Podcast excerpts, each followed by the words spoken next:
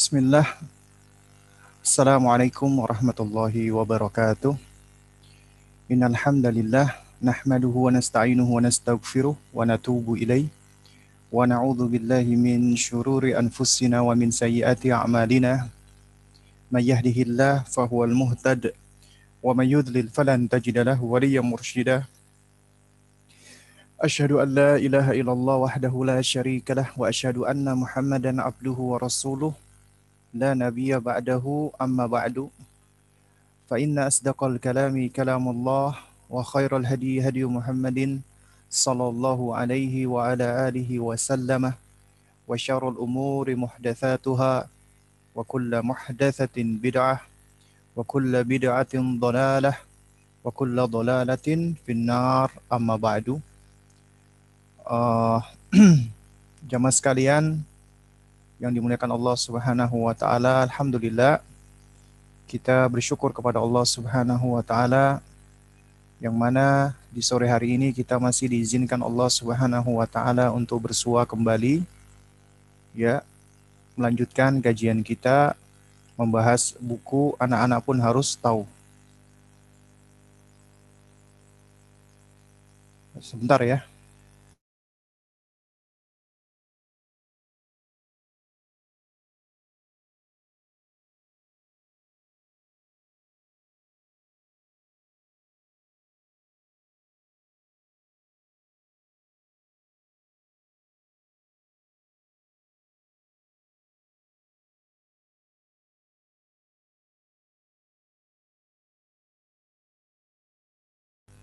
Baik ya. Ya, mohon maaf ya. Uh, sedikit gangguan teknis tadi barusan. Baik, uh, para ayah dan para bunda yang dimuliakan Allah Subhanahu wa taala. Insya Allah di kajian kita di sore hari ini kita akan melanjutkan bahasan kita yaitu masih membahas uh, sebuah risalah yang ditulis oleh Syekh Yazan Al Ghanam ya hafizahullah taala yaitu uh, buku yang beliau tulis yang berjudul ya Mala yasa'u auladal muslimina jahluhu yaitu perkara-perkara yang tidak sepatutnya anak-anak kaum muslimin bodoh tentangnya atau tidak mengetahuinya atau yang kita terjemahkan dengan judul anak-anak pun harus tahu. Dan kita di sini sudah sampai di pertanyaan yang ke-24. Ya yaitu membahas tentang al-asma was sifat, nama-nama dan sifat-sifat Allah. Di pertanyaan yang ke-24 ini, Syekh ya berkata dalam rangka untuk mengajarkan kepada anak-anak kita ya afwan ya pertanyaan ke-23 mohon maaf ya sebutkan sejumlah atau beberapa nama-nama dan sifat-sifat Allah ya jadi kita sebagai orang tua bertanya jawab dan kita minta kita minta kepada anak-anak kita untuk menyebutkan sebagian dari nama-nama Allah Subhanahu wa taala. Ya. Lalu kemudian kita ajarkan di antara nama-nama Allah tersebut adalah yang pertama As-Sami, yang kedua Al-Basir, yang ketiga Al-Alim, yang keempat Ar-Rahman, yang kelima Ar-Razzaq, yang keenam Al-Hayyu, yang ketujuh, Al-Azim. Dan seterusnya. Dari nama-nama Allah yang indah dan sifat-sifatnya yang mulia. Ini sebagian dari nama-nama Allah yang disebutkan oleh penulis.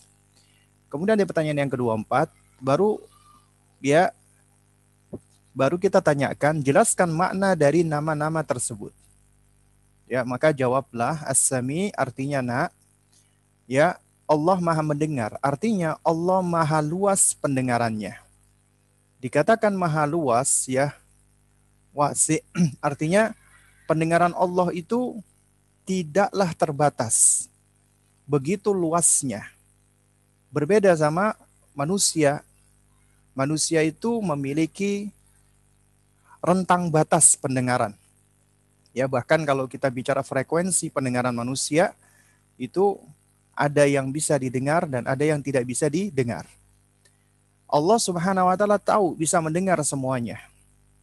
Tidak dibatasi oleh ya keterbatasan manusia. Pendengaran Allah meliputi segala sesuatu. Ya, jadi apa pun yang ada di alam semesta ini Allah bisa mendengarkan. Kalau kita manusia, ya, kita mungkin hanya bisa mendengar sesuatu yang dekat dengan kita dan sesuatu yang mengeluarkan suara. Kalau dia tidak mengeluarkan suara atau dia jauh dari kita, kita nggak bisa mendengar. Bahkan sekiranya kita pun berusaha mendengarkan ya, misalnya ada ada anak kita bicara, anak kita ada empat, masing-masing bicara ke empat-empatnya secara bersamaan, kita akan kesulitan untuk untuk memahaminya. Itu keterbatasan kita makhluk. Kita Allah berikan pendengaran. Tapi pendengaran manusia terbatas.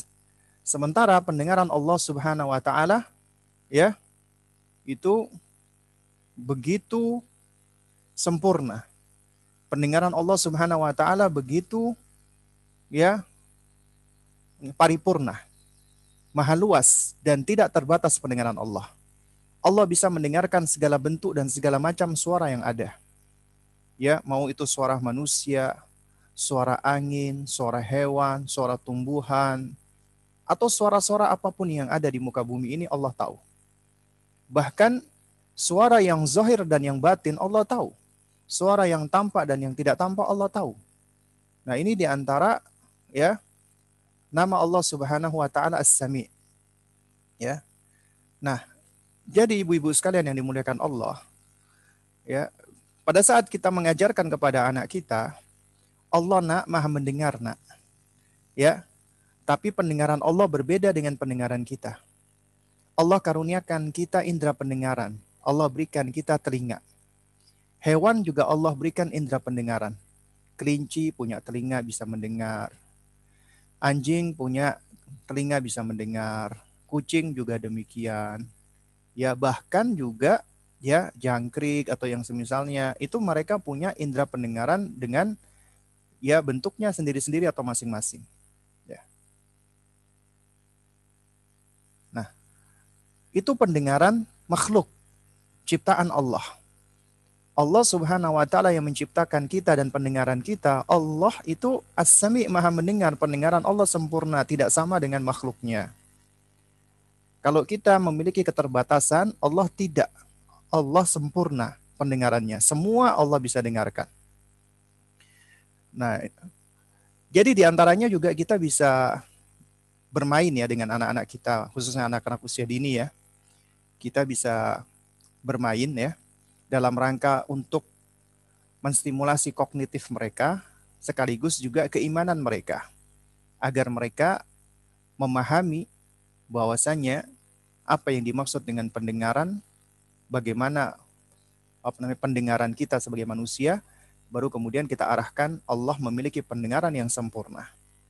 Misalnya contohnya bentuk apa namanya permainannya ya mulai dari yang gampang-gampang dulu. Mungkin kita apa namanya memper, memperdengarkan berbagai macam suara. Ada suara angin, suara air mengalir, suara pantai atau lautan, kemudian ada apa suara jangkrik, suara burung dan seterusnya. Ya, lalu kemudian juga kita kita juga bisa ber, bermain ya, misalnya ibu ibu guru atau uminya ya bicara. Bicara dengan berbagai macam intonasi dan juga dengan ber, berbagai macam uh, apa namanya tingkat suara.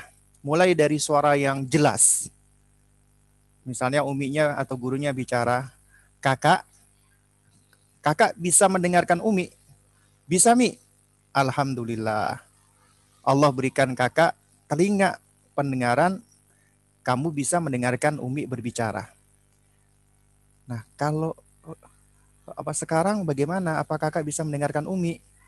Bisa Mi, cuman suaranya pelan. Alhamdulillah Allah masih Allah berikan kamu indera pendengaran. Ya. Jadi ketika Umi berbicara lirih, kamu masih bisa mendengarkan meskipun masih belum jelas. Nah, kemudian kita coba bicara berbisik-bisik. Ayo nak, kalau Umi bicara kayak gini, kamu, kamu bisa dengar nggak? Anak biasa ngomong, uh, apa mi? Apa mi? Aduh maaf mi. Uh, kakak nggak bisa dengar mi. Nah padahal umi bicara ya tapi kakak nggak bisa dengar. Nah artinya Allah berikan kita pendengaran, tapi pendengaran kita terbatas. Ya, sementara Allah sendiri, Allah bisa mendengarkan semua suara. Kamu mau ngomong dengan keras, mau ngomong dengan pelan, bahkan kamu berbisik di dalam hati, Allah pun tahu, Allah bisa mendengarkan itu semua. Allah adalah Rob kita yang maha sempurna. Jadi di sini kita menunjukkan kehebatan pencipta kita Allah Subhanahu wa taala di hadapan anak kita agar mereka takjub ya akan kemahasempurnaan Allah. Kalau udah takjub maka yang muncul adalah kecintaan mereka kepada Robnya. Kemudian al-basir artinya yang maha melihat. Dan penglihatan Allah sempurna. Allah melihat segala sesuatu. Yang besar, yang kecil. Manusia itu terbatas. Manusia hanya bisa melihat apabila ada cahaya. Kalau nggak ada cahaya, manusia nggak bisa melihat. Ya, manusia nggak bisa melihat sesuatu yang jauh. Ya, manusia hanya bisa melihat sesuatu yang mungkin bisa ya masih bisa dilihat oleh oleh pandangan mata kita. Manusia nggak bisa melihat sesuatu yang kecil yang kasat mata. Ya, ini adalah keterbatasan penglihatan manusia. Allah berikan kita penglihatan kita bisa melihat pohon, bisa melihat batu, langit, rumah, ya abi, umi. Kita bisa membedakan warna, masya Allah. Ini adalah bagian yang harus kita stimulasi pada anak-anak kita tentang indera-indera sensoriknya, ya. Uh, sembari kita ajak bermain mereka, kita stimulasi, tapi tetap pijakan-pijakan dan semuanya kita kembalikan kepada Allah Subhanahu wa taala. Artinya Allah Azza wa Jalla yang memberikan penglihatan kepada kita. Dan Allah yang menciptakan penglihatan tersebut. Dan Allah Rabb kita, Tuhan kita, pencipta kita juga memiliki penglihatan tapi penglihatan Allah berbeda dengan kita. Penglihatan Allah sempurna. Kalau di antara kita saja makhluk, ya manusia punya mata. Kemudian juga hewan punya mata. Bahkan kaki pun punya mata, disebut mata kaki Kadang-kadang disebut mata angin, mata air, ya. Artinya kita ngerti ini artinya mata, ya. Kita sudah paham makna daripada mata. Nah, ternyata di antara makhluk sendiri mata itu berbeda-beda meskipun diberikan nama yang sama. Ya, meskipun diberikan nama yang sama. Nah, sementara Allah Azza wa Jalla itu penglihatannya sempurna. Jadi kita juga bisa bermain ya. Ya, misalnya anak-anak kita misalnya disuruh melihat ya baik itu melihat sesuatu yang jauh ya. Jadi mulai dari yang dekat sampai yang jauh dia disuruh menebak. Kemudian juga melihat sesuatu yang ditutupi ya. Jadi jadi ada benda namun ditutupi misalnya di diselubungi kain dia disuruh menebak misalnya. Nah, nah artinya dia nggak bisa melihat di situ, tapi Allah bisa melihat semuanya. Dan ini dalam rangka untuk membentuk di dalam benak mereka, akal mereka, merangsang kognisi mereka, bahwa penglihatan Allah begitu sempurnanya.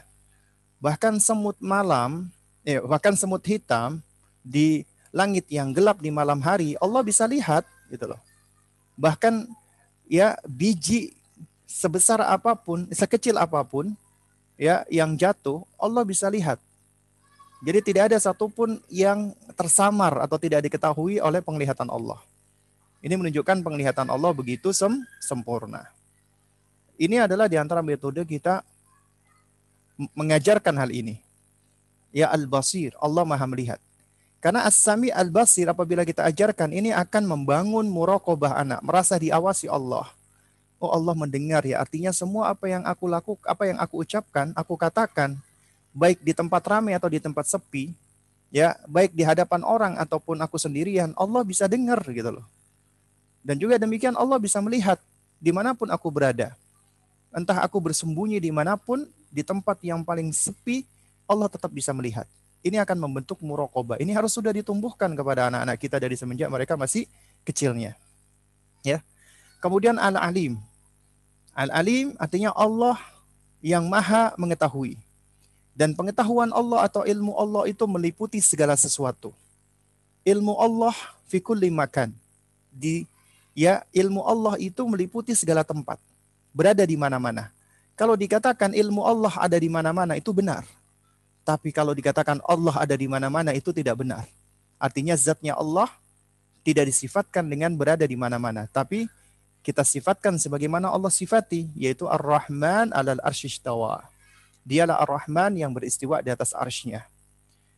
Tapi ilmunya Allah, pengetahuan Allah itu berada di mana-mana, meliputi segala sesuatu.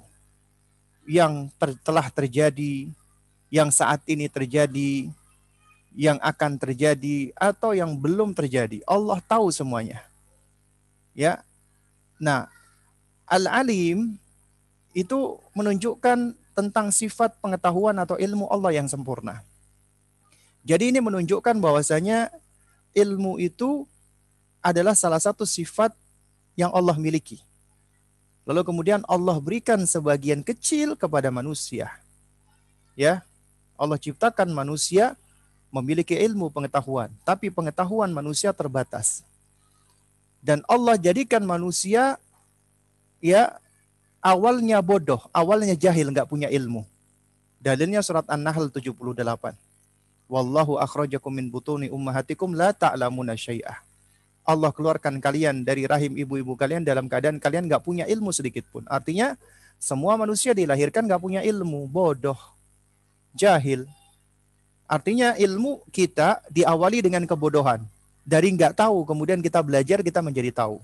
Semakin banyak kita belajar, semakin banyak kita tahu. Itu manusia. Allah ilmunya bersifat azali, tidak diawali dengan kebodohan. Dari awal hingga akhir Allah Maha mengetahui.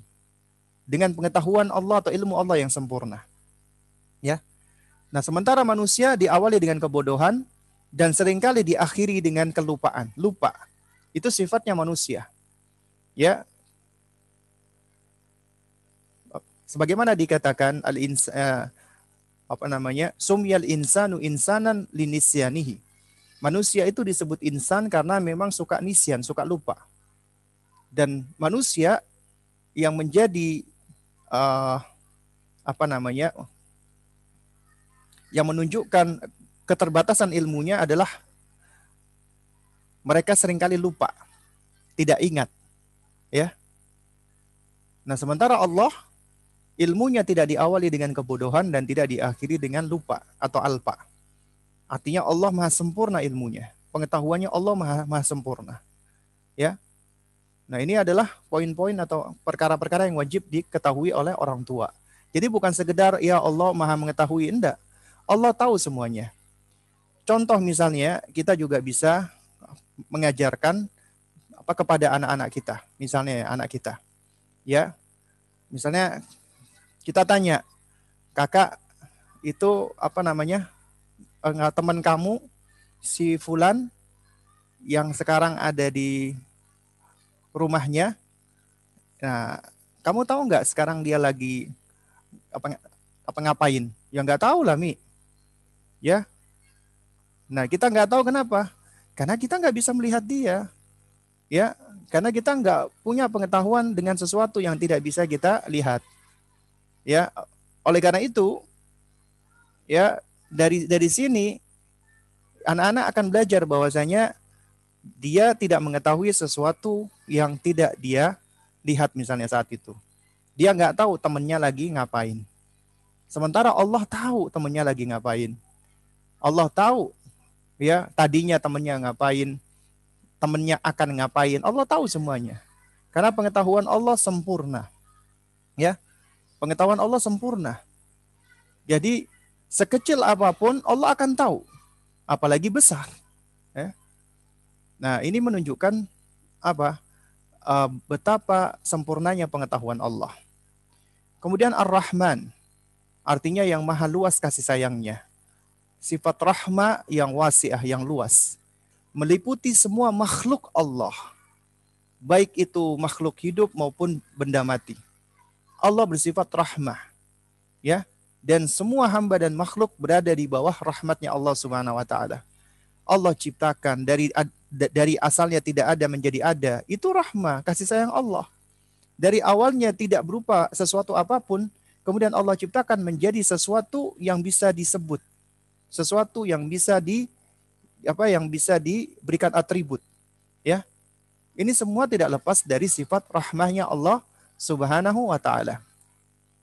Kemudian Ar-Razzaq. Allah adalah yang maha memberikan rizki. Yang menanggung rizki semua makhluknya. Ya, semua makhluk Allah yang memberikan rizki. Karena nggak ada makhluk yang bisa memberikan rizki untuk dirinya sendiri. Semuanya itu dari Allah. Manusia, jin, hewan, tumbuhan, semuanya.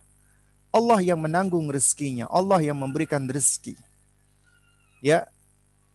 Jadi ini untuk mengajarkan kepada kita dan anak-anak kita bahwa sejatinya semua yang kita peroleh, yang kita dapatkan itu dari Allah, rezeki dari Allah. Dan rezeki itu bukan cuman harta, bukan cuman benda atau materi, tidak. Tapi rezeki itu kesehatan, rezeki, punya anak rezeki, punya abi dan umi juga apa rezeki, ya kita masih memiliki waktu untuk belajar itu juga apa rezeki ya. Ini adalah bagian dari rezeki yang Allah berikan apa namanya kepada hamba-hambanya ya. Nah karena Allah ar-razzaq Allah yang mengkaruniakan berbagai macam rezeki ini ya. Bahkan Allah tanggung ya apa rezekinya semua hewan yang ada di langit dan yang, yang ada di bumi. Semua makhluk yang ada di yang ada di langit dan yang ada di bumi. Ya. Burung itu nggak perlu harus belajar. Ya, maksudnya dia harus sekolah. Jadi cukup dia keluar pagi, sore pulang ke sarangnya sudah dalam keadaan kenyang. Allah yang berikan dia rezeki. Nah, ini harus sudah kita tumbuhkan di dalam diri anak bahwasanya Allah Ar-Razzaq. Sehingga kita minta dan kita ajarkan anak-anak agar selalu ya bergantung dan meminta rezeki kepada Allah Subhanahu wa taala. Kemudian Allah Al-Hayyu. Al-Hayyu artinya yang maha hidup, memiliki sifat hayat. Ya. Tapi sifat hayatnya Allah, sifat hidupnya Allah sempurna. Tidak diawali dengan kelahiran dan tidak diakhiri dengan kematian. Sementara semua makhluk pasti dilahirkan dan pasti akan mati. Allah tidak. Hidupnya Allah sempurna. Allah lam yalid wa lam yulad. Allah tidaklah melahirkan dan tidak pula dilahirkan. Ya. Dan Allah tidak akan mati. Ya. Allah Maha hidup. Sifat hidupnya Allah ini melekat kepada zatnya Allah. Karena Allah Maha sempurna. Kehidupan Allah sempurna. Berbeda sama makhluk. Makhluk itu kehidupan kehidupannya adalah temporer, fana sementara. Ya, dari asalnya tidak ada, Allah berikan nikmat hidup sehingga akhirnya mereka menjadi eksis, menjadi ada, menjadi apa namanya? terlahir. Kita ajarkan kepada anak-anak kita ya, kamu nak ya dilahirkan oleh Umi. Ya, dilahirkan oleh Umi, Umi itu semua adalah atas karunia dari Allah Subhanahu wa taala. Allah yang ciptakan kamu. Ya, mulai dari kamu berada di perutnya Umi, ya, mulai dal apa dalam bentuk nutfah, kemudian menjadi alaqah, menjadi mudghah dan seterusnya. Sehingga akhirnya di ya di bulan keempat atau 120 hari Allah utus malaikat untuk meniupkan ruh apa kepada kamu sehingga kamu akhirnya menjadi hidup dan kamu pun dilahirkan ya dan kamu pun nanti juga kelak akan akan berkembang dewasa dan kita semua juga akan mati akan meninggal dunia. Ya kita diberikan Allah kehidupan. Tapi kehidupan kita adalah sementara temporer.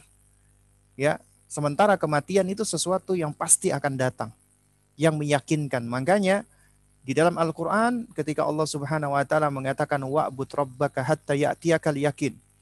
Ya, sembahlah Rabbmu, ibadahi Rabbmu sampai datangnya al yakin artinya datangnya kematian. Kenapa? Karena kematian adalah sesuatu yang diyakini datangnya.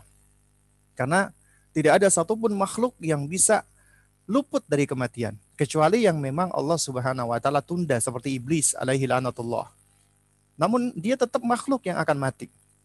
Sementara Allah Azza wa Jalla adalah Rabb yang tidak akan mati. Allah adalah Rabb yang maha hidup. Ya, hidupnya tidak diawali dengan awal dengan apa maksudnya dengan awal kelahiran dan tidak diakhiri dengan akhir kematian. Itulah Allah Subhanahu wa taala. Sifat hidupnya azali wa abadi, ya. Jadi sifatnya Allah, sifat hidupnya sempurna. Kemudian Al-Azim yang maha agung memiliki al azama. Al-azama artinya keagungan. Ya, artinya Allah memiliki keagungan, apa, kebesaran dan kesempurnaan di dalam segala hal. Ya, Allah Al-Azim yang maha besar, maha agung, maha hebat di dalam segala hal. Apa pun yang Allah lakukan, apa pun yang Allah apa namanya perbuat, nama-namanya, sifat-sifatnya itu semua mengandung keagungan, mengandung mengandung kebesaran, kesempurnaan, dan dahsyat dan hebat. Itulah Allah Subhanahu wa taala, Al-Azim. Ya. Nah, ini adalah sebagian dari nama-nama Allah Subhanahu wa taala ya yang perlu kita ajarkan kepada anak-anak kita. Baik, jamaah sekalian yang dimuliakan Allah Subhanahu wa taala ya, izinkan saya share uh, coret-coret ya. Ya. Baik. Jika kita uh, belajar tentang al-asma was sifat ya, nama-nama dan sifat-sifat Allah Subhanahu wa taala. Ya. Nah, itu sebenarnya banyak sekali ya faidah dan manfaat ya kita mempelajari apa? nama-nama dan sifat-sifat Allah Subhanahu wa taala ini. Baik. Nah, jamaah sekalian yang dimuliakan Allah, di antaranya adalah apa? Di antaranya ya, uh, kita tahu nih ya, pada saat kita mendidik anak kita, khususnya di usia awal-awal kehidupannya, usia tufulah, ya. Nah, yang pertama adalah usia sibian ya, 0 sampai 2 tahun ya. Ini indera yang berkembang adalah indera pendengarannya mereka. Ya. Dan ini adalah fase tasmi wa talqin. Maka sering-seringlah untuk memperdengarkan Al-Quran, zikir, termasuk nama-nama Allah Subhanahu wa Ta'ala. Kita memperdengarkan Allah Ar-Rahman, Ar-Rahim, Al-Malik, Al-Quddus, As-Salam, ya, Al-Aziz, Al-Jabbar, Al-Muhaimin, ya, dan seterusnya. Ya, itu kita sering tasmi dia agar dia sudah terbiasa pendengarannya mendengarkan lafzul jalalah, nama-nama Allah yang mulia dan sifat-sifatnya yang sempurna.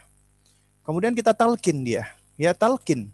Mulai dari kalimat tauhid la ilaha illallah, la ilaha illallah, la ilaha illallah. Lalu kemudian juga kalimat-kalimat zikir Allahu akbar, subhanallah. Ini juga mengandung asma dan sifat Allah Subhanahu wa taala. Ya. Lalu kemudian di usia gulam 2 sampai 7 tahun ya. Ini memang fase di mana pendengaran dan penglihatannya sudah optimal ya. Nah, dan di, ini adalah fase di mana ya kognisinya sedang berkembang. Tapi masih belum optimal. Nanti di usia 7 tahun umumnya itu sudah mulai optimal ya. Di usia gulam ya. Nah, usia ini adalah usia di mana mereka masih uh, secara perkembangan kognisi itu masih ber namanya pemikiran secara konkret ya. Nah, dan kita tahu ini di antara metode-metode Al-Qur'an dan metode Rasulullah itu dengan cara tamsil, dengan cara memberikan perumpamaan-perumpamaan. Ya.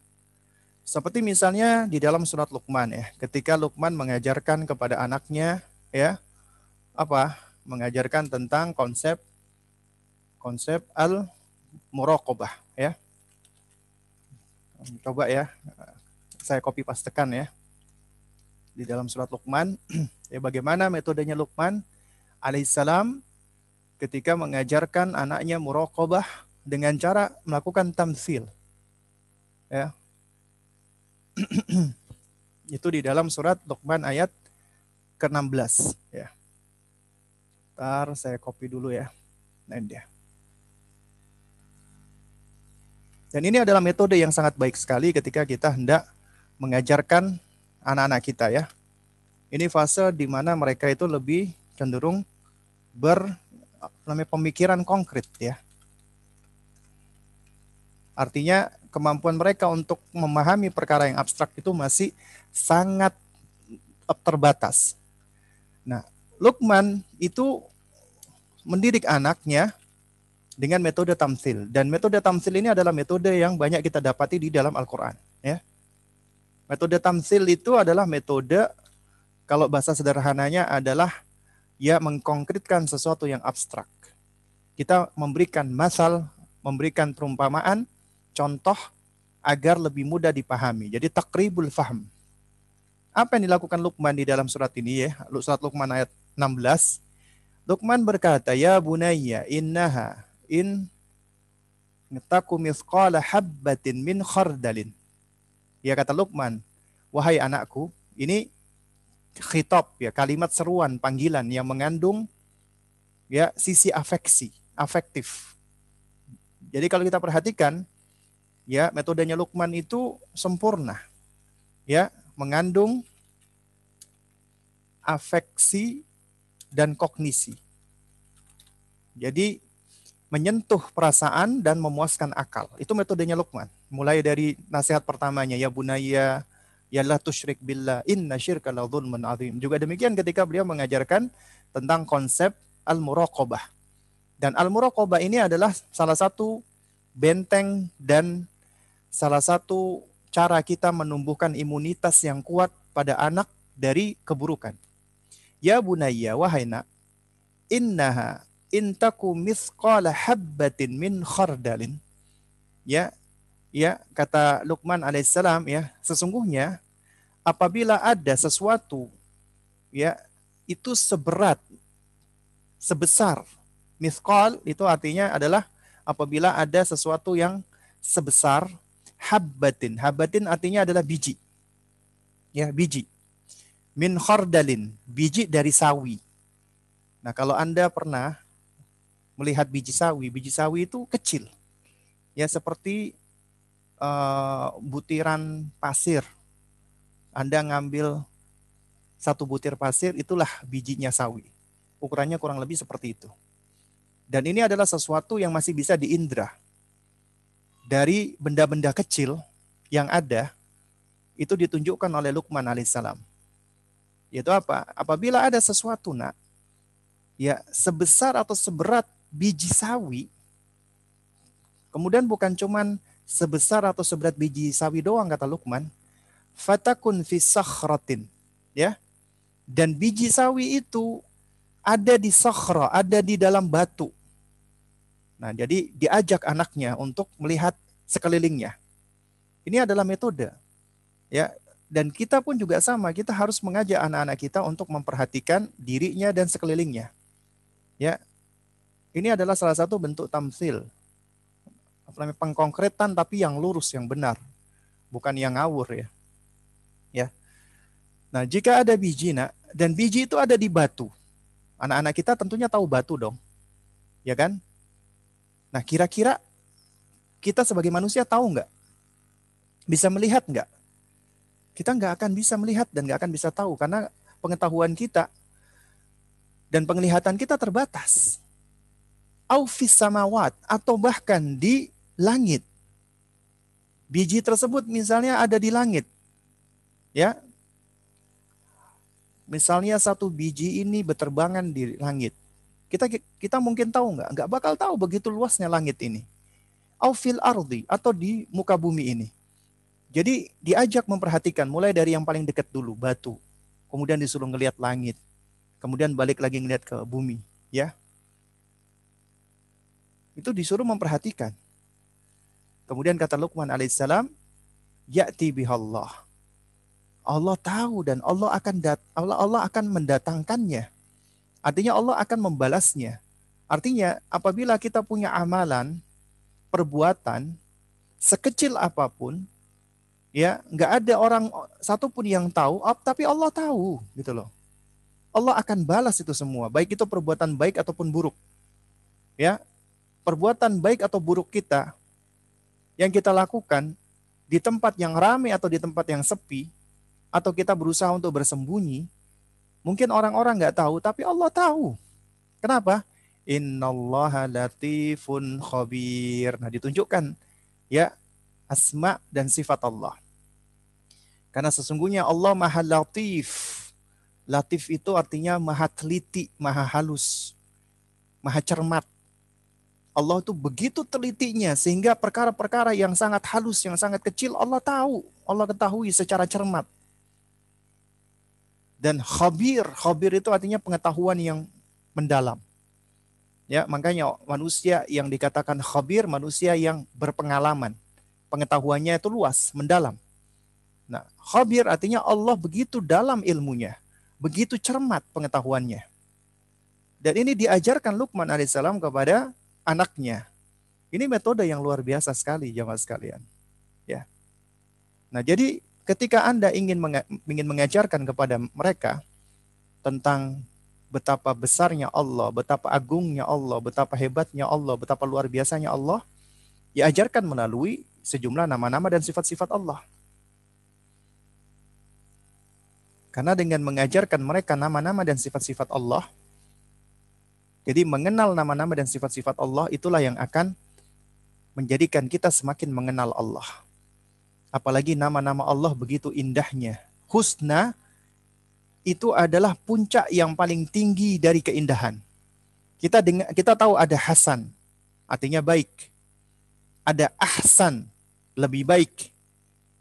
Husna paling baik, paling tinggi kebaikannya. Nama-nama Allah itu paling tinggi kebaikannya dan paling tinggi keindahannya, puncaknya keindahan. Dan sifat-sifatnya Allah itu adalah al-uliya, yang mulia, yang paling tinggi pula. Nah, apabila seseorang itu dia mengenal nama-nama yang indah dan sifat-sifat yang mulia, maka secara fitrah akan tumbuh cintanya karena dia takjub begitu sempurnanya, begitu luar biasanya. Dan ini adalah cara kita untuk menumbuhkan cintanya anak-anak kita. Kenapa? Karena yang namanya mahabbah, apalagi mahabbatullah, mencintai Allah, namanya al-hubbu, mahabbah, itu diawali dengan ma'rifah, dengan mengenal. Gak mungkin kita bisa mahabbatullah, mencintai Allah kalau kita nggak mengenal Allah. Demikian pula bagaimana kita bisa mencintai Rasulullah sedangkan kita tidak tidak mengenal Rasulullah. Dan apabila yang kita kenali ini adalah Allah, zat yang maha sempurna, maka akan semakin bertambah kecintaan kita. Semakin kita kenal Allah, Semakin kita mengetahui nama-nama dan sifat-sifat Allah dan begitu sempurnanya dan indahnya nama-nama Allah, maka akan semakin bertambah kecintaan kita kepada Allah. Apabila Anda ingin menjadikan anak Anda cinta kepada Allah, ajarkan ini. Ini adalah esensi substansi daripada tauhid, yaitu tauhid al-asma was sifat. Ya, sebagaimana kita tahu, tauhid itu ditaksim, dibagi, diklasifikasikan oleh ulama menjadi tiga. Meskipun ada yang membagi menjadi dua intinya sama. Tauhid rububiyah, tauhid uluhiyah dan tauhid asma was sifat. Dan tauhid asma was sifat ini adalah pokok daripada ilmu. Karena ini adalah ilmu yang mempelajari tentang Allah. Mengenal Allah Subhanahu wa taala. Dan kita ya jemaah sekalian tidak bisa mengenal Allah kecuali dengan jalan yang telah diajarkan atau yang diberitahu oleh Allah Subhanahu wa taala. Nah, jadi jemaah sekalian menggunakan Allah. Ya. Kita tahu nih ya. Ya. Bahwasanya Allah karuniakan kepada kita instrumen. Ya, instrumen atau alat atau tools ya untuk bisa meraih ilmu. Meraih ilmu atau meraih, meraih apa namanya pengetahuan knowledge atau ma'rifah. Allah berikan kepada kita indera pendengaran, penglihatan, dan pemahaman. Itu adalah instrumen yang Allah berikan kepada kita agar kita bisa punya ilmu. Dan Allah ajak kita untuk melakukan pengamatan, observasi. Makanya di Quran itu banyak sekali disebutkan kata-kata dengan kata yara, yubsir dan dan dan yang semisalnya ya. Ya, kata apa namanya?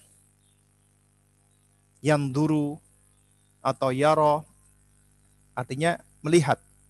Allah mengajak kita untuk melihat, ya. Di antaranya contohnya misalnya ya, wa fi anfusikum afala yubsirun. Dan ada pula tanda-tanda Allah di dalam diri di apa di dalam diri kalian. Ya. Dan tidakkah kalian melihatnya, memperhatikannya? Kita diajak untuk memperhatikan. Karena Allah berikan ya instrumen kepada kita untuk bisa menetapkan pertama eksistensi Allah itu melalui apa? Melalui dua tanda yang telah Allah berikan.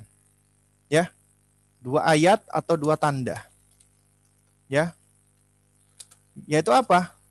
Yaitu tanda atau ayat kauniyah. Nah, ayat kauniyah ini artinya makhluk Allah. Ciptaan Allah Subhanahu wa taala. Ketika kita memperhatikan diri kita dan apa yang ada di alam semesta, itu secara fitrah, secara logika akal sehat akan menetapkan bahwasanya itu semua tidak mungkin ada dengan sendirinya Gak mungkin terbentuk dengan sendirinya. Tidak mungkin itu semua terbentuk secara spontan begitu saja tanpa ada yang menciptakan. Gak mungkin. Gak mungkin sama sekali. Nah, ayat kaunia ini menunjukkan akan adanya eksistensi Allah. Kita menetapkan ada pencipta kita. Ya. Dengan memperhatikan ayat-ayat kaunia, maka kita akan semakin memperhatikan betapa besarnya Allah Azza wa Jalla melalui ciptaannya. Lalu kemudian Allah turunkan kalamnya, firmannya. Ya, ucapannya disebut dengan ayat qauliyah, yaitu Al-Quran. Dan Allah utus nabinya, Allah utus rasulnya untuk menyampaikan hal ini. Ini adalah dua ayat yang menunjukkan sifat rahmanya Allah. Sifat kasih sayang Allah kepada hamba-hambanya. Allah Azza wa Jalla ingin ya agar hamba-hambanya ini mau mempergunakan instrumen yang telah Allah berikan agar mereka bisa ya menuju kepada Allah, mendekati Allah Subhanahu wa taala. Ini juga diberikan kepada anak-anak kita. Nah, oleh karena itu anak-anak di usia gulam ini ketika penglihatan mereka itu sudah sempurna, maka kita harus stimulasi. Ya. Kita stimulasi dan ini yang akan ya yang akan membentuk kognisi mereka. Dan akal apabila tidak distimulasi dan diberikan pijakan dini ya, itu bisa menjadi musibah. Karena itu anak-anak yang dari usia dininya nggak pernah diajarkan agama dengan alasan ya namanya aja anak-anak masih usia konkret belum bisa ngerti abstrak. Masalah akidah masalah abstrak. Nanti aja deh ketika dia sudah sudah usia 7 atau 10 tahun. Ya baru diajarkan masalah akidah. Ini keliru besar. Akhirnya apa akalnya si anak itu ya menjadi liar dikhawatirkan. Kenapa liar? Karena fitrahnya tidak ditumbuhkan dan akalnya tidak diterangi dengan wahyu Allah dari semenjak awal kehidupannya. Akhirnya akalnya menjadi liar. Maksudnya gimana liar? Maksudnya dia berusaha untuk membayangkan dan menjangkau sesuatu yang tidak bisa dijangkau oleh akalnya. Dia akan memikirkan. Terus yang menciptakan Allah siapa ya? Terus Allah ini bagaimana kok bisa ada ya? Kemudian siapa yang menciptakan Allah? Kemudian nah ini adalah akal yang liar, sesuatu yang berusaha untuk dinalar tapi nggak mampu. Akalnya siapa pun di muka bumi ini nggak akan bisa menjangkaunya. Nah oleh karena itu makanya akalnya manusia itu terbatas dan akal manusia akan akan lurus dan apa terang bersinar apabila disinari oleh wahyu Allah Subhanahu wa taala, tunduk dengan wahyu Allah. Ya. Nah, karena itu makanya memang ada dalil di dalam agama kita dalil akli dan dalil nakli. Dalil nakli adalah dalil yang berasal dari Al-Qur'an dan Sunnah. Dalil akli adalah kita mempergunakan logika akal sehat kita. Ya. Dan menetapkan Allah bisa dengan dalil nakli dan dalil akli. Jadi jamaah sekalian yang mulakan Allah, usia anak-anak usia apa uh, usia anak-anak tufulah ini adalah momen yang tepat bagi kita untuk mengajarkan mereka sejumlah nama-nama dan sifat-sifat Allah Subhanahu wa taala. Baik. Jamaah sekalian yang dimulakan Allah Subhanahu wa taala. Ya. Uh, kalau ditanya ya, apa sih apa namanya pengaruhnya kita apa namanya kita uh, mengajarkan nama-nama dan sifat-sifat Allah Subhanahu wa taala ya Nah, di antara buah ya, kita mendidik mereka, mentarbiah mereka ya dengan asma wa sifat ini akan melahirkan karakter-karakter yang mulia. Karena apa? Nama-nama dan sifat-sifat Allah adalah nama-nama yang sempurna. Kenapa demikian? Karena apabila anak-anak itu dia mengenal Robnya, mengenal Allah, ya, artinya mengenal Allah itu nama dan sifatnya, namanya sifatnya eh, nama Allah yang indah dan sifatnya yang mulia.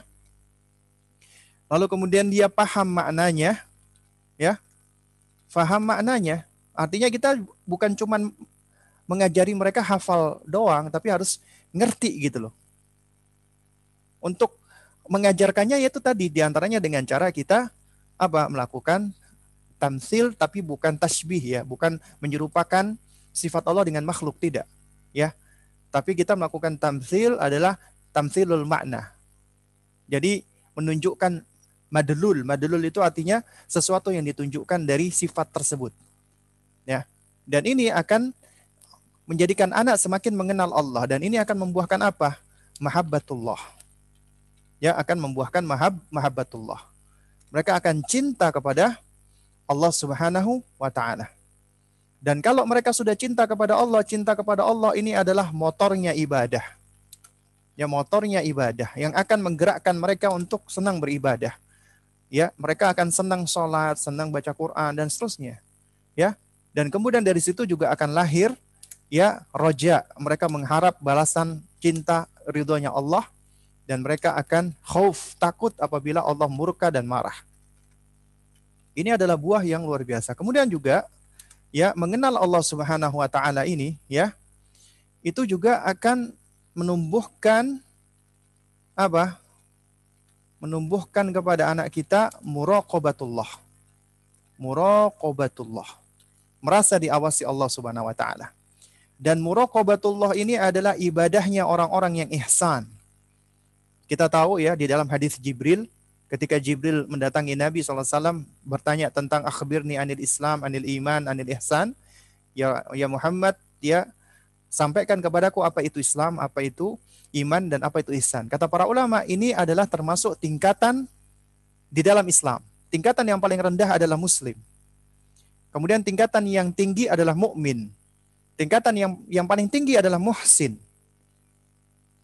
Apa makna ihsan? Kata Nabi SAW ketika ditanya oleh Jibril alaihissalam, akhbirni anil ihsan. Apa jawaban Nabi? An ta'budallaha ka'annaka tarahu fa in lam takun tarahu fa innahu yarak. Engkau beribadah kepada Allah seakan-akan engkau bisa melihatnya atau kalau engkau tidak melihatnya maka sesungguhnya Allah melihatmu. Dan ini adalah ibadah hamba-hamba yang khas, hamba-hamba yang khusus. Hamba-hamba yang dirinya ya itu memiliki kecintaan kepada Allah. Kalau istilahnya adalah orang-orang yang al-arif billah yang mengenal Allah al-arif billah ya. Ini adalah ya ibadahnya orang-orang yang spesial. Dan ini sudah bisa ditumbuhkan kepada anak-anak kecil. Dari semenjak kecilnya muraqabatullah menumbuhkan muraqabah. Ini adalah metode metodenya Lukman dan ini ya jamaah sekalian akan menjadi imunitas yang kuat ya imunitas yang kuat anak-anak dari keburukan-keburukan yang ada di muka bumi ini. Dan ini yang akan menumbuhkan ya karakter-karakter yang positif, yang baik. Ya. Menumbuhkan karakter yang positif. Kok bisa? Karakter yang hebat. Contoh misalnya, kita ajarkan kepada anak kita, nah Allah itu al-alim, Allah itu maha mengetahui. Ya, Berarti ilmu adalah sifatnya Allah. Nah, sehingga ketika kita tahu Allah itu adalah apa adalah uh, memiliki sifat berilmu, ilmunya Allah sempurna, ya maka ya berarti apabila kita berusaha untuk mencari ilmu, ya maka ilmu itu adalah sesuatu yang dicintai Allah Subhanahu wa taala. Dengan mempelajari al-alim akhirnya akan menjadikan anak senang dengan ilmu, mencintai ilmu. Tentunya ilmu yang dimaksud adalah ilmu yang dapat mendekatkan seorang hamba kepada Robnya yang berangkat dari Al-Quran dan Sunnah. Dia akan senang untuk belajar. Karena dia tahu nih. Kemudian juga dia akan menumbuhkan karakter yang hebat, misalnya karakter apa namanya pemberani. Tidak menjadi karakter yang penakut dan pengecut. Loh kok bisa? Bisa. Ya. Saya waktu itu ya mungkin sudah sempat atau pernah bercerita ya ya, ya, ya ini di dalam sebuah buku ya, buku yang sangat bagus sekali ya, yang ditulis oleh Dr. Uh, eh, Amani ya, Dr. Amani apa apa Romadi ya. Judulnya adalah ya atfaluna wa wahubbullah ya anak-anak kita dan cinta kepada Allah. Nah, itu di bagian bagian bagian akhir itu ada kisah-kisah nyata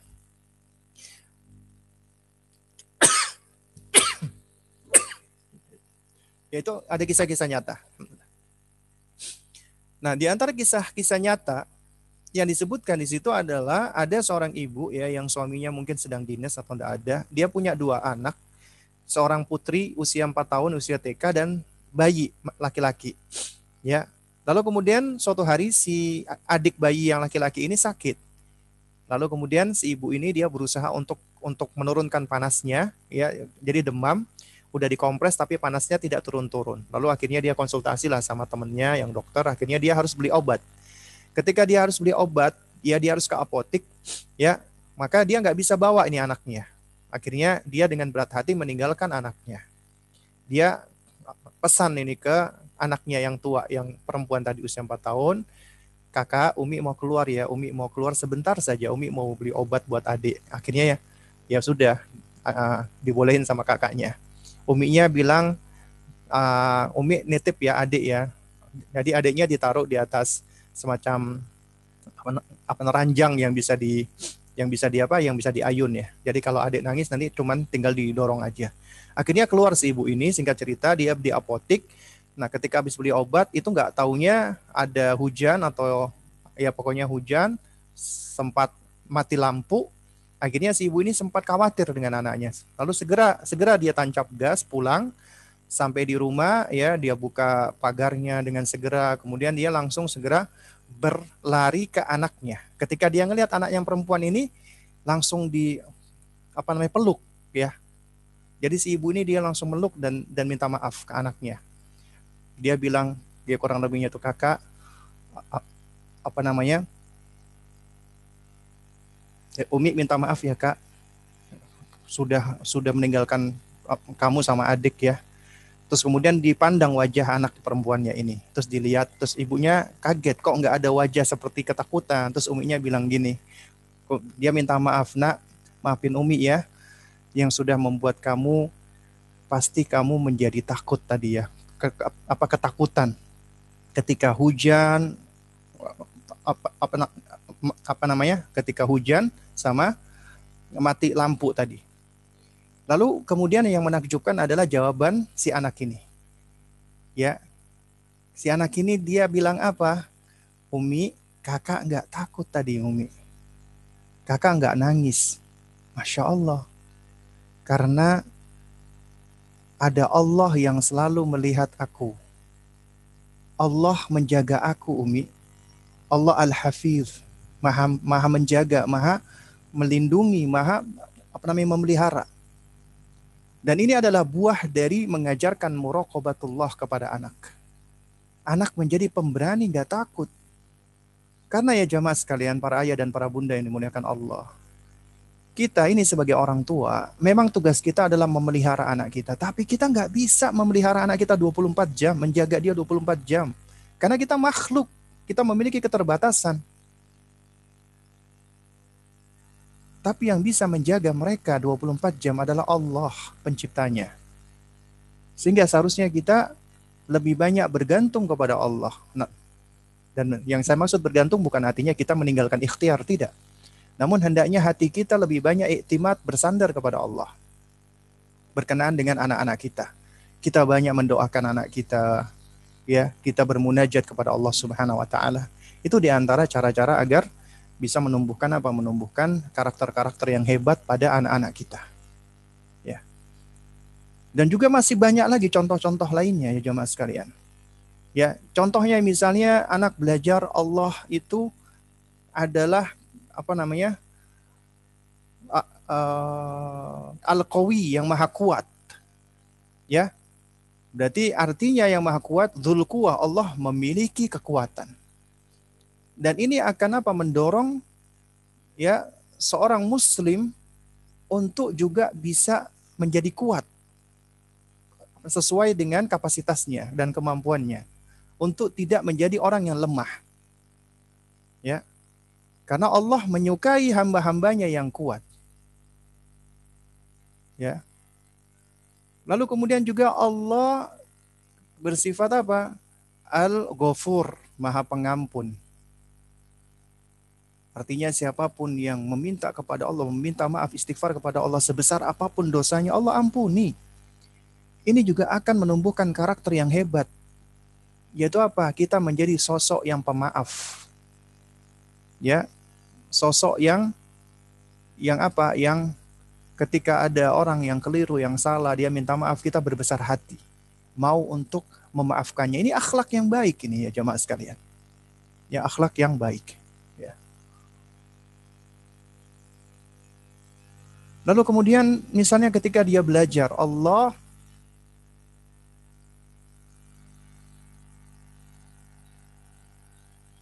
Ar-Razzaq misalnya. Allah Maha memberikan rezeki. Ya. Dan ini akan apa? Akan menumbuhkan karakter di dalam dirinya bahwasanya rezeki itu datangnya dari Allah Subhanahu wa taala. Sehingga dia tidak takut apabila ya uh, apa maksudnya dia nggak takut kalau nanti dia nggak dapat rezeki atau dia dapat susah karena dia yakin Allah Maha Adil. Ya, Allah Maha memberikan rezeki. Asalkan kita berusaha, maka Allah akan berikan rezeki. Sehingga hidupnya menjadi tumak nina, tenang, tentram, damai. Ini apabila Anda mentarbiah anak Anda dengan memperkenalkan anak-anak dengan asma dan sifat Allah, itu luar biasa ya jemaah. Nah tapi, berkenaan dengan mengajarkan asma wa sifat, ini memang ada kaidah-kaidahnya di dalam ya ahlu sunnah. Dan ini mungkin ya uh, apa nama waktunya kurang kurang ini ya, kurang kurang cukup ya kalau kita bahas ya.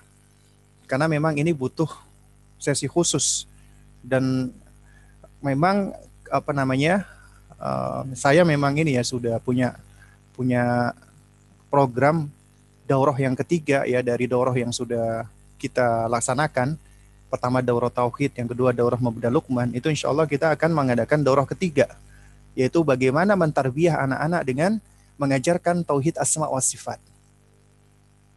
Dan apabila orang tua memahami tentang kaidah-kaidah di dalam di, apa di dalam asma wa sifat dan apa namanya pengaruhnya baik bagi apa namanya pribadi, individu ataupun bagi masyarakat itu akan bisa membangun karakter dan apa namanya peradaban yang luar biasa. Asalkan kita mau kembali kepada Islam yang murni yang diserukan oleh Nabi kita yang mulia Muhammad bin Abdullah alaihi salatu wassalam. Baik uh, ibu-ibu sekalian dan bapak-bapak yang dimuliakan Allah Azza wa Jalla. Ya dikarenakan sudah pukul 5 ya, mungkin kita buka sesi tanya jawab ya. Yang ingin bertanya silakan atau yang sudah ada pertanyaan ya juga di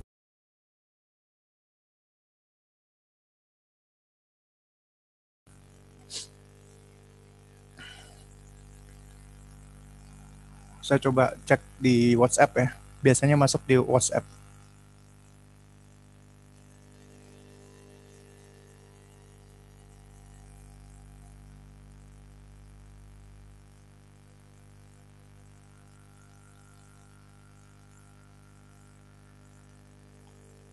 Ya, uh, apa sepertinya ini ya, apa namanya belum ada ya. Coba saya lihat di chat yang di grup sini ya. Chat di grup juga apa di Zoom juga masih belum ada oh, ini. Oh, sudah ada nih.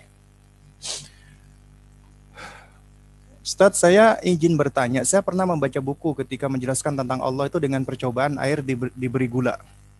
Lalu diaduk-aduk. Anak-anak disuruh cicil, oh cicip mungkin ya, cicip satu-satu dan ditanya apa rasanya. Ada yang bisa lihat gula di dalam air? Itulah Allah bisa kita rasakan tapi tidak bisa dilihat.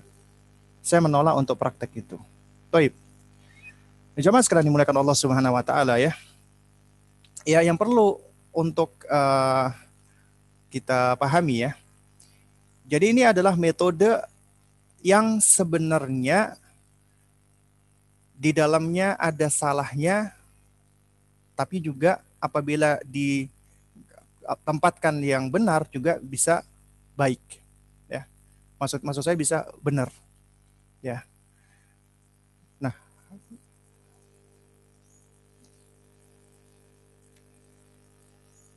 Ya. Jamaah sekalian dimulakan Allah Subhanahu wa taala. Jadi sebenarnya begini ya ya kalau kita lihat dari pertanyaan ini ya ini kan sebenarnya hendak atau bermaksud untuk melakukan tamsil, tapi keliru jatuhnya kepada tasbih. Menyamakan Allah Subhanahu wa taala. Yaitu dengan kata ya itulah Allah bisa kita rasakan tapi tidak bisa dilihat.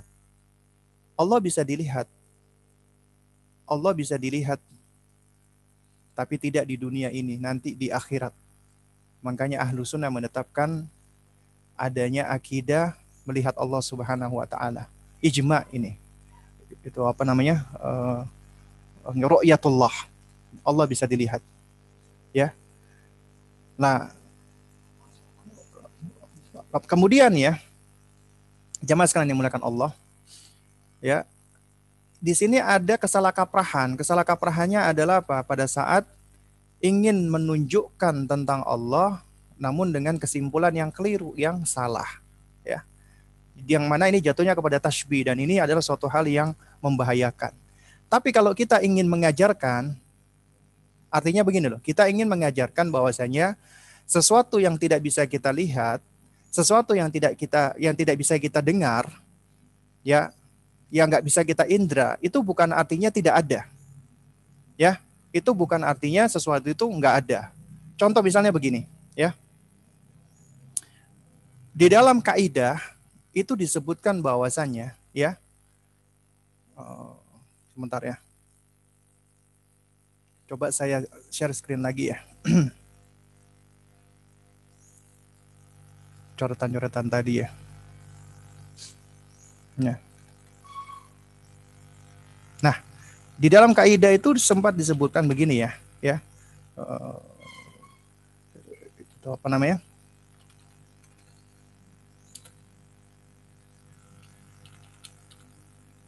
Itu ada mu ilmi bisyai'in, ya. Laisa ya. Al ilmu bil itu Adam ya. Artinya ketidaktahuan kita ketidaktahuan ya tentang sesuatu bukan artinya sesuatu itu nggak ada Nah, ini adalah di antara kaidah yang sering kali disebutkan oleh para ulama ya. Jadi kita nggak tahu tentang sesuatu misalnya karena kita nggak bisa melihat, bukan artinya sesuatu itu nggak ada gitu loh. Contoh misalnya begini, ya.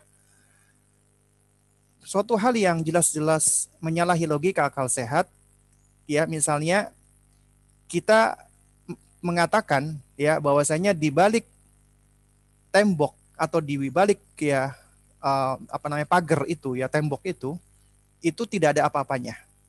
Kenapa? Karena kita nggak bisa melihat sesuatu yang ada di balik tembok itu. Berarti sesuatu nggak ada. Ini adalah suatu kesimpulan yang keliru. Ya, karena bisa jadi di balik tembok itu ada pohon, tumbuhan, tanaman atau yang lainnya. Artinya ketidaktahuan kita tentang sesuatu bukan artinya sesuatu itu nggak ada. Itu kaidah, gitu loh. Ya, itu adalah kaidah.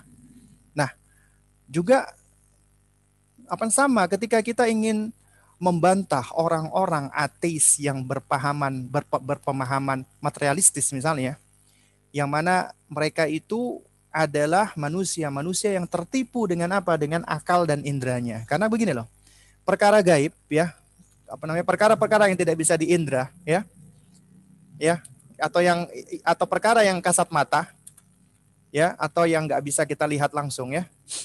Ini adalah ujian bagi indranya manusia. Ujian. Nah, ternyata ada manusia-manusia itu yang mereka ya ketika diuji dengan perkara gaib, mereka menolaknya. Mereka menolak, artinya mereka menolak sesuatu yang nggak bisa mereka indra. Inilah orang-orang ateis atau yang semisalnya. Jadi mereka ya menolak sesuatu yang nggak bisa mereka mereka lihat. Ya, karena apa? Karena uh, akalnya mereka tidak mendapatkan cahaya atau wahyu karena sesuatu yang nggak bisa yang nggak bisa mereka lihat, nggak bisa mereka saksikan sehingga ya kadang-kadang mereka minta bukti, buktikan kalau misalnya Tuhan itu ada dan misalnya padahal keberadaan mereka itu merupakan bukti adanya Tuhan gitu loh. Ya, jadi mereka menolak menolak perkara-perkara gaib. Ya. Adapun yang kedua adalah mereka yang ya apa ya yang berlebihan di dalam menetapkan perkara-perkara perkara yang kasat mata dengan apa? Dengan hayalan, imajinasi. Ya, hayalan, imajinasi, fantasi, mitos dan yang semisalnya. Jadi mereka menetapkan perkara-perkara gaib dengan ini, khayalan, imajinasi, fantasi. Jadinya apa? Jadinya ya tahayul khurafat. Kayak misalnya mereka meyakini akan adanya ya apa namanya eh, dewa-dewi, adanya apa leluhur-leluhur yang memiliki apa kekuatan ya, yaitu kayak kejawen, animisme, dinamisme. Ini semua adalah bagian dari itu tadi. Jadi ada sesu, ada ada ada kaum yang mereka berlebihan, ada kaum yang mereka ya tafrid dan ada yang ifrat. Ya.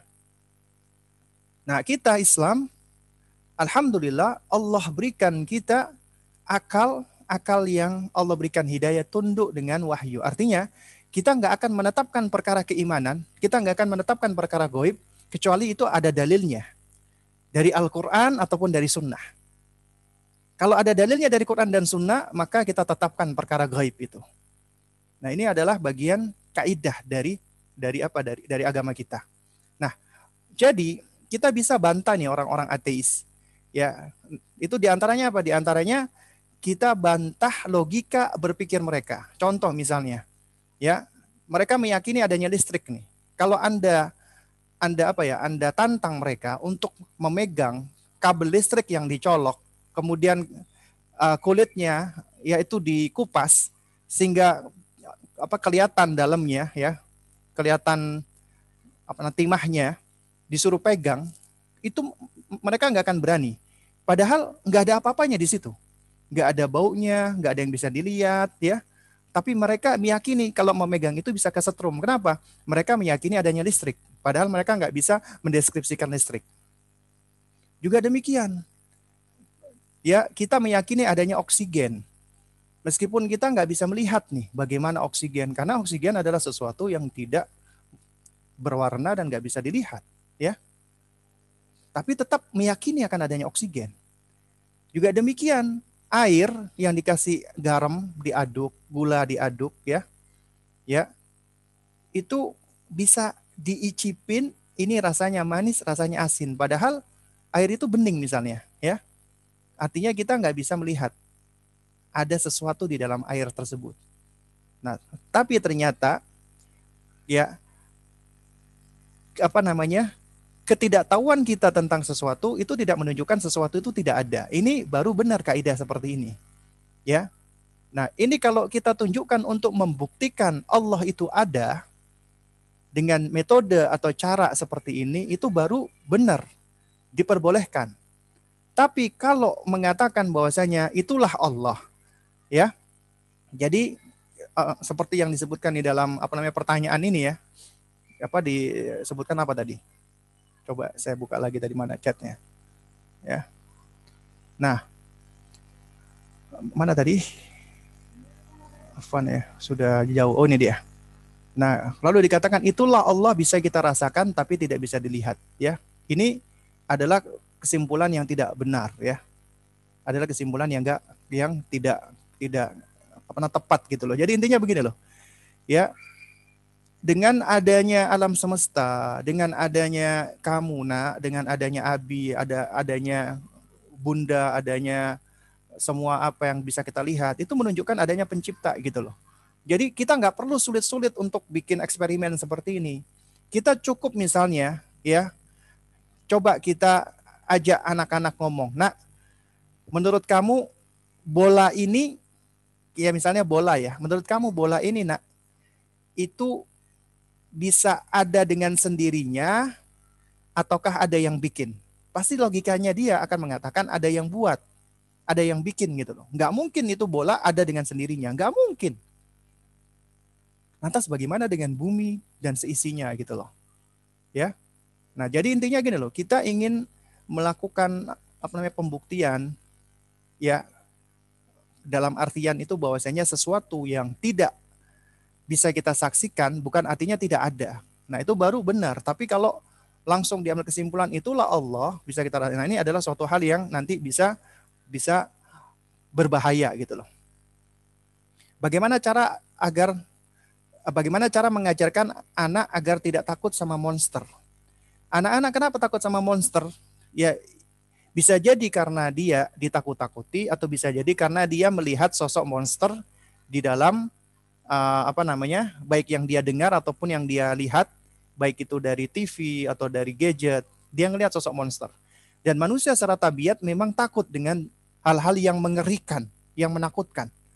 Seperti monster itu kan apa namanya mengerikan. Tapi uniknya anak-anak ya itu kalau kita perhatikan ada loh yang yang mereka karena ngelihat monster itu malah senang ya. Jadi kayak ngelihat dinosaurus ada di anak-anak seperti ini dan dan juga anak-anak yang ketika melihat monster dia itu takut karena ngeri gitu loh karena menakutkan. Nah, apa yang kita lakukan? Yang kita lakukan adalah ya jadi jangan langsung kita memberikan label dasar kamu penakut. Masa kamu sama itu aja takut? Jangan. Kita coba tanya sama dia. Adik kenapa takut, Dek? Oh, bentuknya menakutkan ya. Bentuknya apa, apa namanya mengerikan ya. Jadi nggak apa-apa. Kita ajarkan dia untuk mengenal emosinya dan mengenal perasaannya dia. Dia harus tahu perasaannya dia ketika dia takut, emosinya dia. Nah, tapi kita harus gali itu. Kenapa dia takut? Kemudian baru kita arahkan ya. Kita arahkan bahwasanya kita nggak perlu takut sama monster-monster seperti itu. Kenapa? Karena ada Allah yang selalu menjaga kita.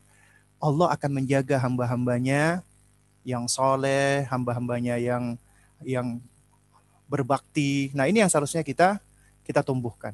Jadi jangan langsung kita apa, apa namanya melabeli ya.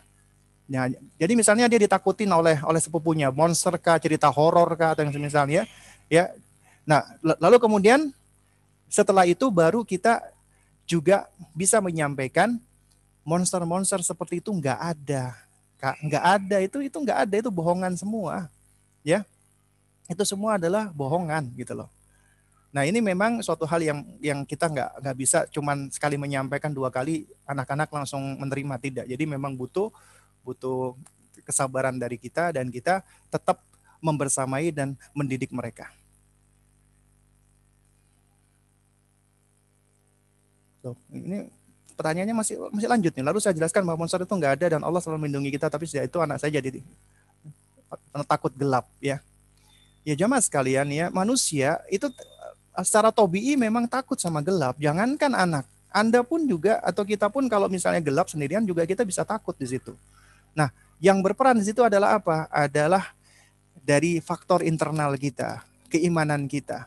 Semakin kita meyakini tentang apa ya tentang uh, kebesaran Allah, Allah Maha menjaga, Allah Maha memelihara, maka itu ketakutan-ketakutan kita ini akan bisa disingkirkan atau diminimalisir. Ini adalah bagian dari apa? Bagian dari dari uh, sifat tabiat manusia yang memang secara asal manusia itu secara tobi'i normalnya takut gitu loh. Ustadz, out of topic tentang akikoh. Ada hadis yang mengatakan Rasulullah mengakikohkan dirinya sendiri. Ini hadisnya dikatakan oleh para ulama tidak sahih, ya. Hadisnya di, dikritis oleh para ulama tidak sahih. Ya sehingga tidak bisa dijadikan landasan bagi kita untuk mengakikohi diri sendiri. Hadisnya tidak sahih. Ah, apalagi nih? Bagaimana kaidah toilet training di dalam Islam untuk anak batita? Berarti di bawah tiga tahun agar bisa beralih dari BAB dan BAK di toilet sejak dini. Ya intinya begini loh, kita mengajarkan anak karena agama kita agama sempurna. Adab itu diajarkan mulai dari semenjak dini, ya. Tapi mengajarkan adab tidak dengan menggegas, tapi harus dengan uh, step by step, ya, dengan apa apa tadarruj ya. Anak-anak ketika masih di bawah tiga tahun misalnya, kita harus melihat ini bagaimana apa kemampuan mereka ya bagaimana tentang apa namanya tentang apa motorik mereka ya dan dan yang dan apa yang dan yang semisal itu untuk melihat ya kemampuan mereka dalam hal istinja gitu loh. Jadi ya kita pelan-pelan kita ajarkan mereka tentang toilet training, kita ajarkan adab masuk kamar mandi, keluar kamar kamar mandi, caranya istinja, mempergunakan tangan kiri dan seterusnya. Ini memang hal-hal yang yang harus sudah kita ajarkan ya. Ustadz, jika anak sudah diberikan pemahaman atas 99 Asmaul Husna. 99 itu ya Asmaul Husna ya itu bukanlah apa namanya pembatasan. Artinya nama-nama Allah itu tidak tidak dibatasi hanya 99 ya.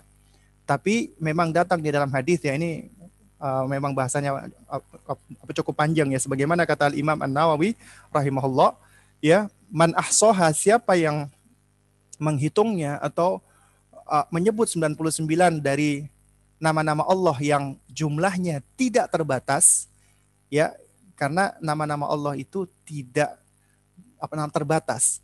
Ada yang Allah ajarkan kepada kita dan ada yang Allah tidak ajarkan. Ya, Allah simpan.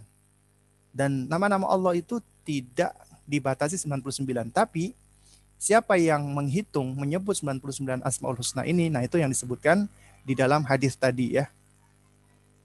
Agar makna-maknanya tetap terjaga di hati dan pemikiran anak apakah setiap hari tetap perlu halako asmaul husna dengan anak berapa dari nama-nama tersebut. Saya ingin tahu usia paling efektif memperdengarkan Al-Quran untuk anak dengan niatan agar anak hafal Al-Quran usia berapa ya.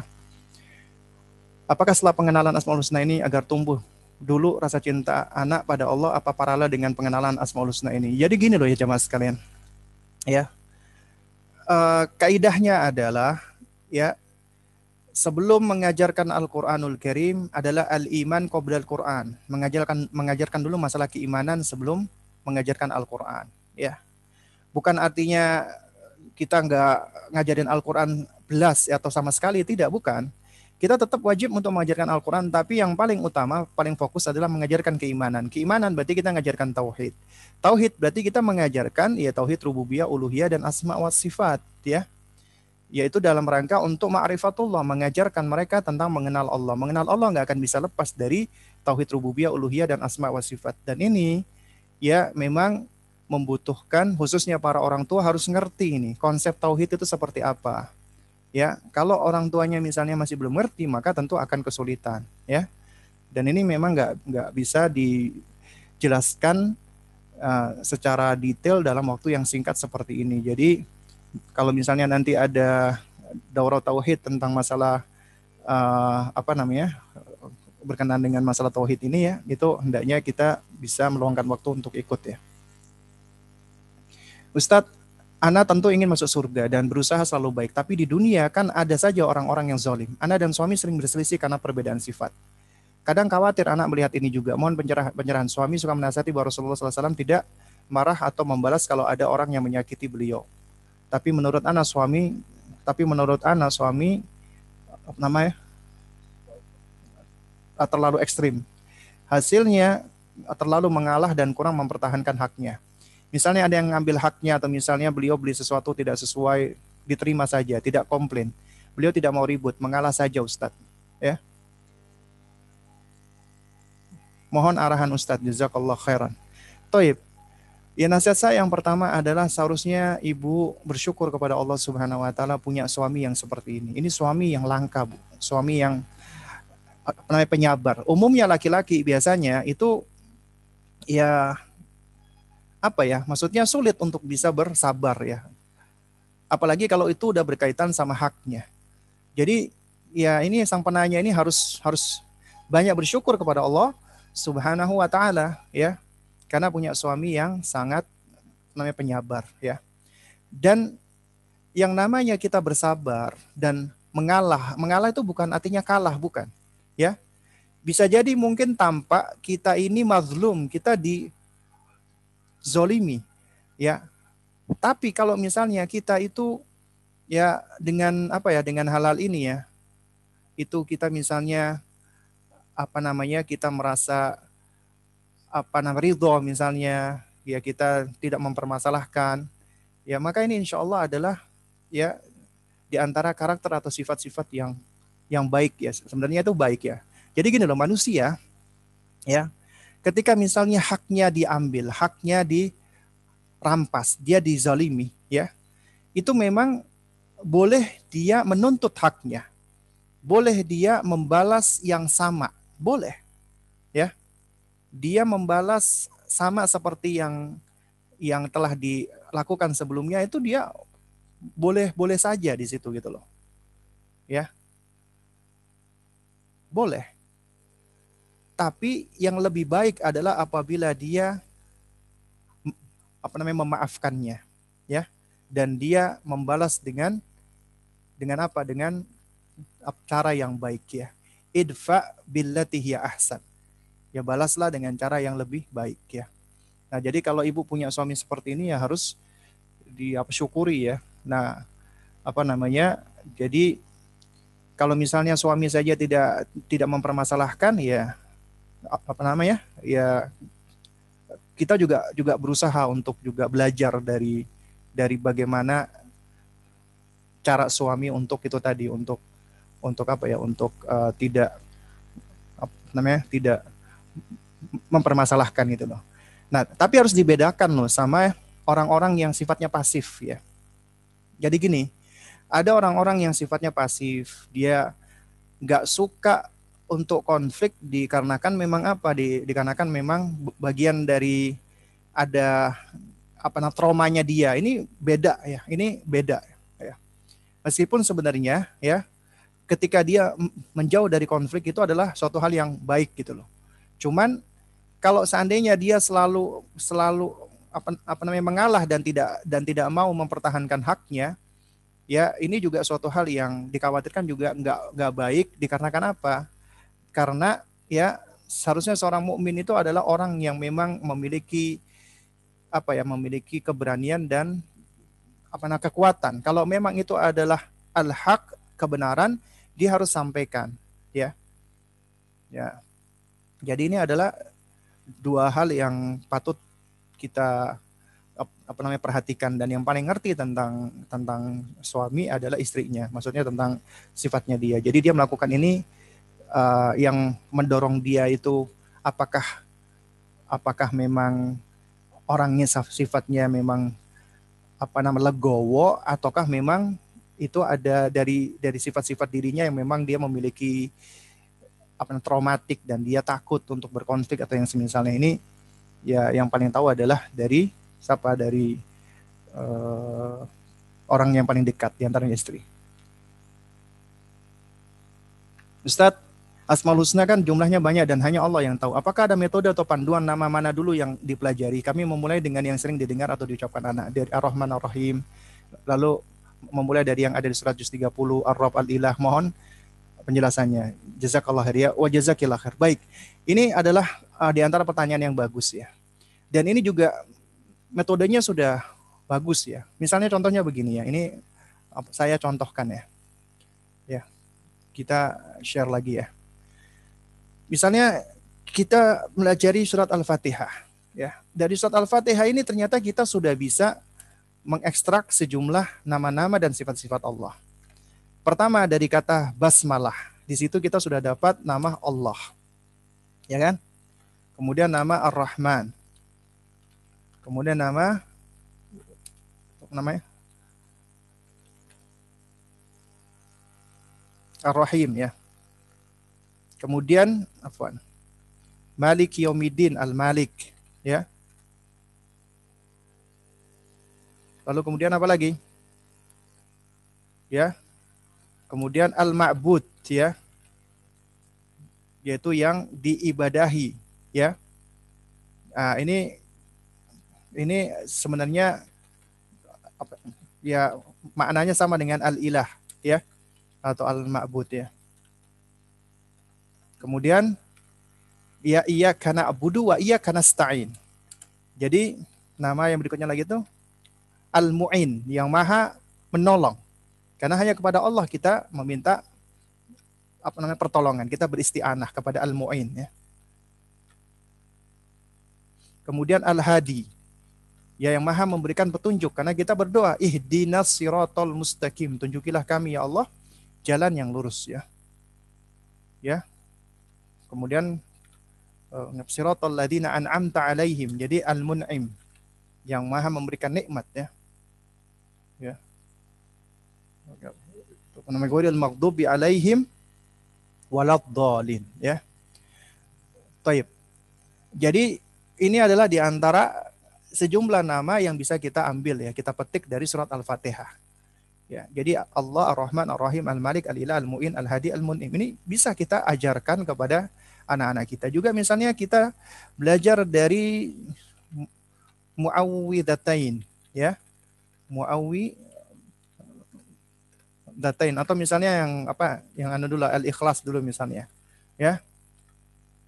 Nah misalnya kul huwallah Allah ya. Ya. Allah al ahad Allah as samad ya ya lam yalid wa lam yulad ya wa lam yakul lahu kufuwan ahad nah jadi ini sebenarnya nama-nama yang bisa kita ambil dan juga mungkin sifat-sifat yang bisa kita petik ya dari surat-surat pendek. Ya, ini untuk mengajarkan kepada mereka sejumlah nama-nama dan sifat-sifat Allah. Di antaranya adalah Allah tidak diperanakan dan tidak pula Allah apa namanya beranak ya. Dan tidak ada yang serupa dengan Allah Subhanahu wa taala. Nah, ini di antara contoh. Ustadz, bagaimana mengajarkan anak untuk tidak takut dengan suara petir, sirena, atau suara bising? Ya jamaah sekalian, yang namanya ketakutan itu ada ketakutan yang bersifat tobi'i ya yang yang merupakan apa tabiat ya bukan suatu hal yang jelek yang yang buruk. Misalnya anak takut dengan badut misalnya atau takut dengan suara keras. Ini suatu hal yang normal sebenarnya. Kita nggak perlu terlalu khawatir. Yang penting adalah kita membersamai kita uh, mengajarkan mereka ketika takut adalah kita minta pertolongan kepada Allah, kita bertawud kepada Allah, kita ajarkan ada Allah yang selalu menjaga kita, yang memelihara kita ya. Dan kita harapkan adalah apa? Ah, ketakutan-ketakutan anak kita insya Allah akan akan hilang ya. Ya Allah taala alam soal. Baik, ini sepertinya semua pertanyaan sudah dijawab ya. Iya. Baik ya. Toib ya, jamaah sekalian mulakan Allah ya, sepertinya semua pertanyaan uh, sudah dijawab semua ya, dan ini pas sudah pukul 17.29. Mungkin kita akhiri dulu sampai di sini ya. Uh, jika ada hal-hal yang kurang berkenan ya, mohon dimaafkan. Karena yang hak datangnya dari Allah, yang batil datangnya dari diri saya pribadi. Kita tutup dengan kafaratul majlis. Subhanakallahumma wa bihamdik. An la ilaha illa anta astaghfiruka wa atubu ilaik. Assalamualaikum warahmatullahi wabarakatuh.